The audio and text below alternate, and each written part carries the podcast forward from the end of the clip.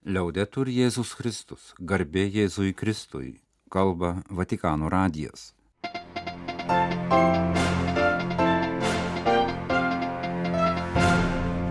Malonus klausytojai šioje sekmadienio Liepos antrosios programoje. Popiežiaus mintys Marijos maldos įžangoje. Kokia mano pranašystė? Pasaulyje daug karų popiežius prašė melstis už taiką 2025 metų jubiliejus. Rengiamas tarptautinis šventovių rektorių ir darbuotojų susitikimas. Savaitė Lietuvoje. Spaudos apžvalga.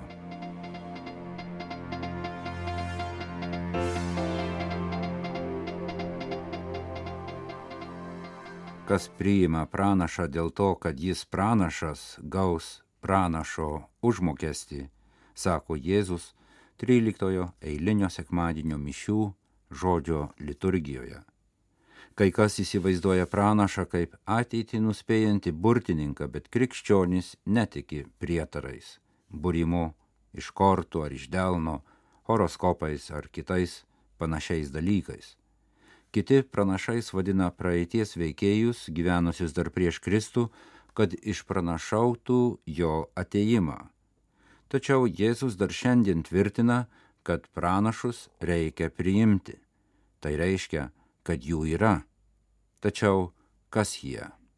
Klausimą uždavė popiežius šio sekmadienio vidudienį maldos Marijos susitikime Šventojo Petro aikštėje. Profeta, fratelli e sorelle, e ciascuno di noi. Infatti, con il battesimo tutti abbiamo ricevuto il dono e la missione della profezia. Pranašas yra kiekvienas iš mūsų, brangus broliai ir seserys, sakė popiežius. Jis prisiminė tai, kas skelbia bažnyčios katekizmas, jog visi gavusieji krikštą gavo pranašystės malonę ir misiją. Pranašai padeda kitiems suprasti nūdienos uždavinius šventosios dvasios veikimo dėka, suvokti Dievo planus ir į juos atsiliepti.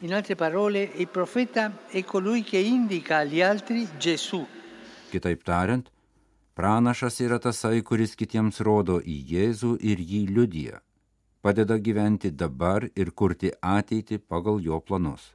Todėl visi mes esame pranašai Jėzaus liudytojai, kad Evangelijos jėga persimuštų į kasdienį gyvenimą, šeimą, visuomenę.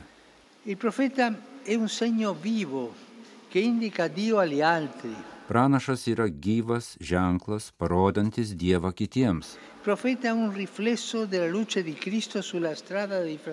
Jis yra atspindys Kristaus šviesos seserų ir brolių kelyje.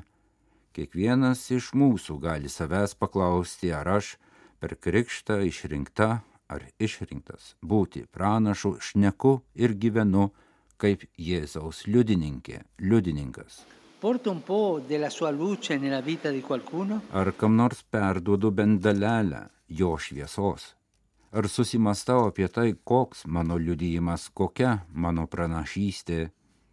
Popiežius Pranciškus priminė, kad Jėzus sekmadienio Evangelijoje prašo, kad priimtume pranašus. Todėl anot jo svarbu, kad vieni kitus priimtume kaip tokius, tai yra kaip Dievo žinios pasiuntinės ir pasiuntinius, priimti kiekvieną pagal savo socialinį statusą ir pašaukimą ten, kur gyvename - šeimoje, parapijoje, tikinčiųjų bendruomenėje, kitose bažnyčios ir visuomenės aplinkose. Lo Spirito ha distribuito doni di profezia nel santo popolo di Dio. Ecco perché è bene ascoltare tutti. Šventoji dvasia išdalijo pranašystės malonę šventajai Dievo tautai. Būtent todėl turime vieni kitus gerai įsiklausyti. Pavyzdžiui, tada, kai darome svarbius sprendimus. Svarbu visų pirma melstis, šauktis šventosios dvasios, po to klausytis ir dialoguoti, pripažįstant, kad kiekvienas iš mūsų, net patys mažiausieji, gali pasakyti, ką nors svarbaus, pasidalyti pranašystės malonę. Šitaip ieškome tiesos, plečiame įsiklausimo į Dievą, į seseris ir brolius atmosferą, kurioje žmonės nesijaučia priimami tik jei sako tai, kas mums patinka, o jaučiasi priimami ir vertinami kaip dovana pagal tai, kas jie yra. Pensiamo a quanti conflitti si potrebbero evitare e risolvere così, mettendosi in ascolto degli altri. Kiek daug konfliktų būtų galima išvengti ir išspręsti, nuoširdžiai įsiklausant į kitus su noru vieni kitus suprasti. Kiekvienam iš mūsų reikia mokytis iš kitų, todėl melskime Mariją, pranašų karalienę, kad padėtų mums atpažinti ir priimti gėrį, kurį šventoji dvasia pasėjo kituose, sakė popiežius sekmadienio Marijos maldos įžangoje. Po maldos ir palaiminimo, sveikindamas maldininkus ir jų grupės iš Romos, Italijos ir viso pasaulio, popiežius Pranciškus prašė taip pat vasaros laikotarpiu nepaliaujamai melstis už taiką, ypač už Ukrainos tautą patiriančią didelius išbandymus. Anche in questo periodo estivo non stanchiamoci di pregare per la pace, in modo speciale per il popolo ucraino, tanto provato. E non trascuriamo le altre guerre, purtroppo spesso dimenticate. I numerosi conflitti e Pranciškus taip pat ragino atkreipti dėmesį į daugelį kitų karų pasaulyje, kurie dažnai užmirštami. Che insanguina molti luoghi della terra. Tante guerre ci sono eh, oggi. Šiuo metu kraujas praliejamas daugelėje pasaulio vietovių vykstančiuose konfliktuose ir susirėmimuose, daug karų pasaulyje. Informuokimės apie šios įvykius, padėkime kenčiantiems ir melskimės. Perché la preghiera è la forza mite che protegge e sostiene il mondo. Nes malda yra švelni jėga, apsaugojanti ir palaikanti pasaulį, pažymėjo popiežius Pranciškus.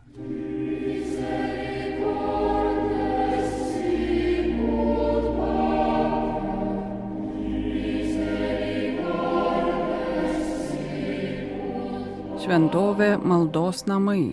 Taip pavadintas lapkritį planuojamas antrasis tarptautinis šventovių rektorių ir darbuotojų susitikimas. Ruošiantis šventiesiems metams iniciatyvą organizuoja evangelizacijos dikasterija. Šventovės ir malda, šventovės ir šventieji 2025 metai. Šventovės sužeisto pasaulio viduryje. Šios temos skirtos 2023 m. lapkričio 9-11 dienomis Vatikano Pauliaus VI salėje vyksiančiam antrajam tarptautiniam susitikimui, skirtam šių tikėjimo vietų rektoriams ir darbuotojams. Iniciatyvą organizuoja evangelizacijos dikasterijos, kurios proprefektas ir arkivyskupas Rino Fizikela pagrindinių evangelizacijos klausimų skyrius. Artėjantis vilties jubiliejus jau aušta horizonte ir besiruošiančiam įvykiui kviečiami diskusijoms ir šventovių vadovai. Lapkričio susitikimas pratęsė 2018 pradėtą kelionę, registruotis bus galima iki rugsėjo 30. Šventovė maldos namai kelionė link 2025 m. jubiliejaus tokia susitikimo tema savyje talpinanti įvairias maldos formas. Užtarimo malda, kurią pristatys kunigas Benediktinas Ermano Barūko, popiežiškojo teologijos fakulteto Terezijanum profesorius. Nusidėjėlio malda su kunigu Dominikonu Paulo Brendanu Murei, popiežiškojo Šventojo Tomo Akviniečio universiteto profesoriumi kaip melstis skambant muzikai ir dainoms. Apie tai kalbės monsinjoras Marko Frisina, kompozitorius ir Romos Trasteverės kvartale esančios Šventos Cecilijos basilikos rektorius. Vėliau bus pristatoma malda mene, kurią aptars sakralinio meno tapytojas Davidas Lopazas Ribesas.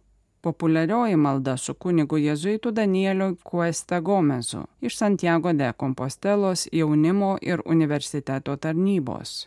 Paskutinę susitikimo dieną arkivyskupas Rino Fizikela kalbės apie šventovės artėjančio vilties jubiliejaus kontekste. Susitikimo pabaigoje planuojama audencija su popiežiumi Pranciškumi. Jo žodžio klausimasis bus svarbus bendros kelionės momentas rektoriams ir šventovių darbuotojams, sako dikasterijos proprefektas Erino Fizikela apibūdindamas iniciatyvą ir ypatingą šventovių vaidmenį tikėjimo perteikimui. Pirmasis toks susitikimas vyko 2018 metais. Dabar rengiamas susitikimas svarbus priminti, kad šventovės tai ypatinga evangelizacijos vieta. Šie renginiai leidžia susitikti tiesiogiai su šventovių atstovais, susikurti realų vaizdą apie šventovių gyvenimą, sukuria galimybes visiems apmastyti apie vieningą pastoraciją. Susitikimo centre bus malda, nusidėjėlio malda, liaudės maldingumas, Tai tarsi formacijos projektas šventovių atsakingiesiems. Praėjusią kartą visi apmastė šventovę kaip prieimimo vietą, kur išgyvenamas tikėjimas. Popiežius Pranciškus ruošiantis 2025 m. jubiliejui linkėjo, kad 2024 būtų skirti maldai. Tad ir susitikimas su šventovių rektoriais bei darbuotojais tarsi įvadas į tuos metus. Be to šventovė yra ištiesta vieta, kur visi meldžiasi, kur telpa įvairiausios maldos formos - malda tyloje, malda į šventuosius. Įžengiantis į šventovę žmogus atsineša su savimi džiaugsmą, liūdėsi, lūkesčius, tad šventovė turi pilnai apglėpti kiekvieno piligrimo gyvenimą toje intimioje susitikimo su Dievu patirtyje. Todėl šventovė tampa vidinė erdvė, kur galima atgauti ramybę ir suteikti paguodą. Arkivyskupas kalba ir apie ypatingą šventovių vaidmenį jubiliejiniuose metuose, nes šventovės turi ypatingą vaidmenį visame bažnyčios gyvenime, leidžia vykdyti sielovadą, kuri dažnai papildo parapijų bendruomenėse įgyvendinamą pastoraciją. Čia piligrimai susitinka atsineždami skirtingas patirtis ir taip atgyja senoji piligrimystės prasme, kuri tiesiogiai susijusi su jubiliejumi Piligrimystė tai ėjimas, kuris atspindi mūsų kiekvieno gyvenimą. Piligrimystėje susitinkama, apsikeičiama patirtimis. Pasak arkivyskupo šventovės dažnai pastatytos nuostabiose gamtos vietose, tad tai ir susitikimas su gamta, o taip pat ir su grožiu, kurį atneša menas prieš tai gyvenusių kartų tikėjimo išraiška. Tai autentiškas pasirengimas jubiliejui, kuris siekia išreikšti tą ypatingą susitikimo su viešpačiu momentą piligrimystėje, kuri pasiekia kulminaciją įžengiant per šventasias duris. Ketvirtadienį žiniasklaidoje paskelbtas Lietuvos viskupams ordinarams adresuotas viešas laiškas dėl seksualinio piknaudžiavimo bažnyčioje tyrimo. Šį viešą laišką pasirašė 72 tikintieji, visuomenininkai akademinio pasaulio ir krikščioniško žiniasklaidos atstovai, pasauliečiai bei dvasininkai. Laiške pažymima, kad pastaruoju metu viešumoje nuskambėję kunigų seksualinių nusikaltimų atvejai sukrėtė katalikų bendruomenę Lietuvoje ir konstatuojama, tikintiesiems kyla daug neatsakytų klausimų, slopsta visuomenės pasitikėjimas institucinė bažnyčia. Remiantis kitų šalių patirtimi, Lietuvos viskupai raginami suburti nepriklausomą ir kompetentingą komisiją iš teisininkų, psichologų, medikų, sociologų, kriminalistų, suteikti jai visus reikiamus įgaliojimus ir prieigą prie duomenų ir išsamei ištirti bažnytinėje aplinkoje įvykusius seksualinius nusikaltimus. Laiške taip pat pabrėžiama, lygia greta būtina kurti efektyvę, o neformalią prevencijos pranešimų apie nederamą elgesį ir pagalbos aukoms sistemą. Trečiadienį ir ketvirtadienį panevežyje vyko seminaras skirtas nepilnamečių ir pažeidžiamų suaugusių apsaugai nuo seksualinio išnaudojimo. Jį vedė tikėjimo mokymo dikasterijos oficiolas, kanonų teisės daktaras, prelatas Jorge Bertomeu Ifarnos. Šio oficiolo daugelie pasaulio valstybių vedamuose seminaruose svarstomi dvasiniai, pastoraciniai, teisiniai, psichologiniai ir kiti nepilnamečių ir pažeidžiamų suaugusių apsaugos nuo seksualinio išnaudojimo klausimai. Į dvi dienas trukusi seminarą susirinko teisininkai, pastoracijos darbuotojai, psichologai ir kitų sričių specialistai.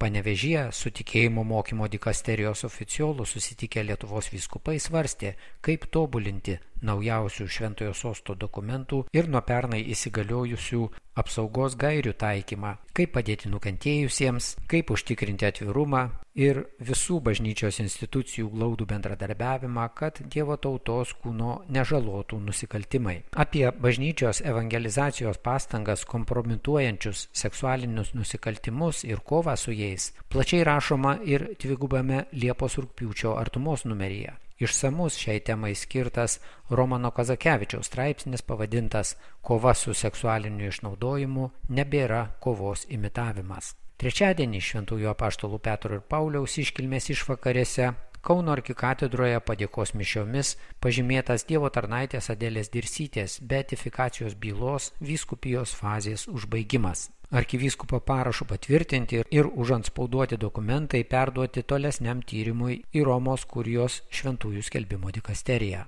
Daugeliu žiniasklaidos kanalų perduota žinia apie pirmą kartą Lietuvos istorijoje viskupijos lygmenių oficialiai užbaigtą bylą siekiant moters pasaulietės pripažinimo palaimintąją. Taip pat pažymima, kad Adelė Dirsytė yra didžiausių pasaulyje bendrų tiražų verčiamos ir leidžiamos knygos Sibiro kalinių maldaknygės Marija gelbėk mus autorė. Padėkos mišiose homilyje sakė kardinolas Įgytas Tamkevičius, kuris pradėjo Adelės Dirsytės beatifikacijos procesą arkiviskupijoje 2000 metais, švenčiant didįjį krikščionybės jubiliejų. Jis priminė lietuvės kankinės kryžiaus kelią Sibiro lageriuose, kur Adelė Dirsytė ne tik, kad nepalūžo, bet dar mokė kitas kalinės dvasinio susikaupimo, sąmoningo kančios pakelimo ir aktyvaus religinio gyvenimo. Po mišių vyko iškilmingas viešas uždaromasis tribunolo posėdis, buvo užanspaudotos dėžės su beatifikacijos bylos dokumentais.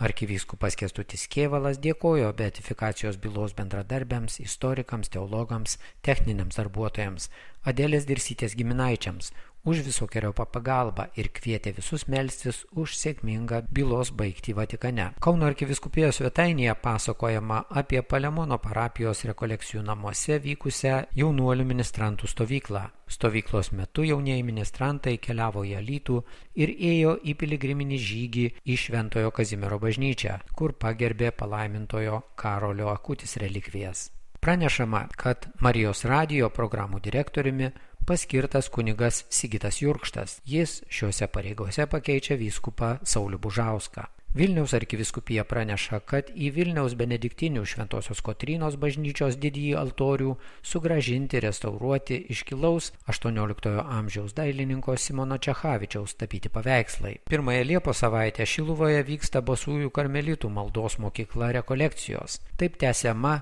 šiemet į amžinybę iškeliavusio karmelito tėvo Marcelino Irakiradin pradėta tradicija. Jis, bendradarbiaudamas su paštuvos vienuolino seserimis, padėjo pamatus Kauno basųjų karmelitų vienuolino atsikūrimui, sutelkė Vilniaus ir Kauno basųjų karmelitų pasauliečių bendruomenės ir per savo knygas tebeskleidžia karmelio dvasingumo Lietuvoje. Apie tai rašyta portale laikmetis. Šeštadienį prasidėjo didieji žemaičių kalvarijos atlaidai. Vyskupas Algirdas Jurevičius Telšių viskupijos svetainėje pristato Žemaičių kalvarijoje kasmet Liepos pradžioje švenčiamų atlaidų tradiciją ir kviečia visus atvykti į Žemaitijos Naująją Jeruzalę. Būtent tokį pavadinimą XVII amžiuje gardų vietovėje suteikė vyskupas Jurgis Tiškevičius, pastatydinęs kryžiaus kančios kelio koplyčias ir išrūpinęs iš popiežiaus Urbono VIII atlaidus. Iš Kauno Vatikano radijui Kastantas Lukėnas.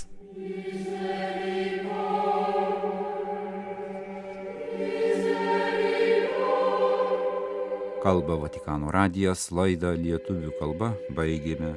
Garbė Jėzui Kristui, liaudetur Jėzus Kristus.